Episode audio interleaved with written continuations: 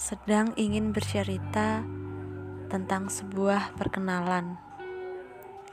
Halo semua, perkenalan adalah awal, mulai menyapa, mulai bercanda, hingga menjadi kawan, dan tak sungkan memberi saran.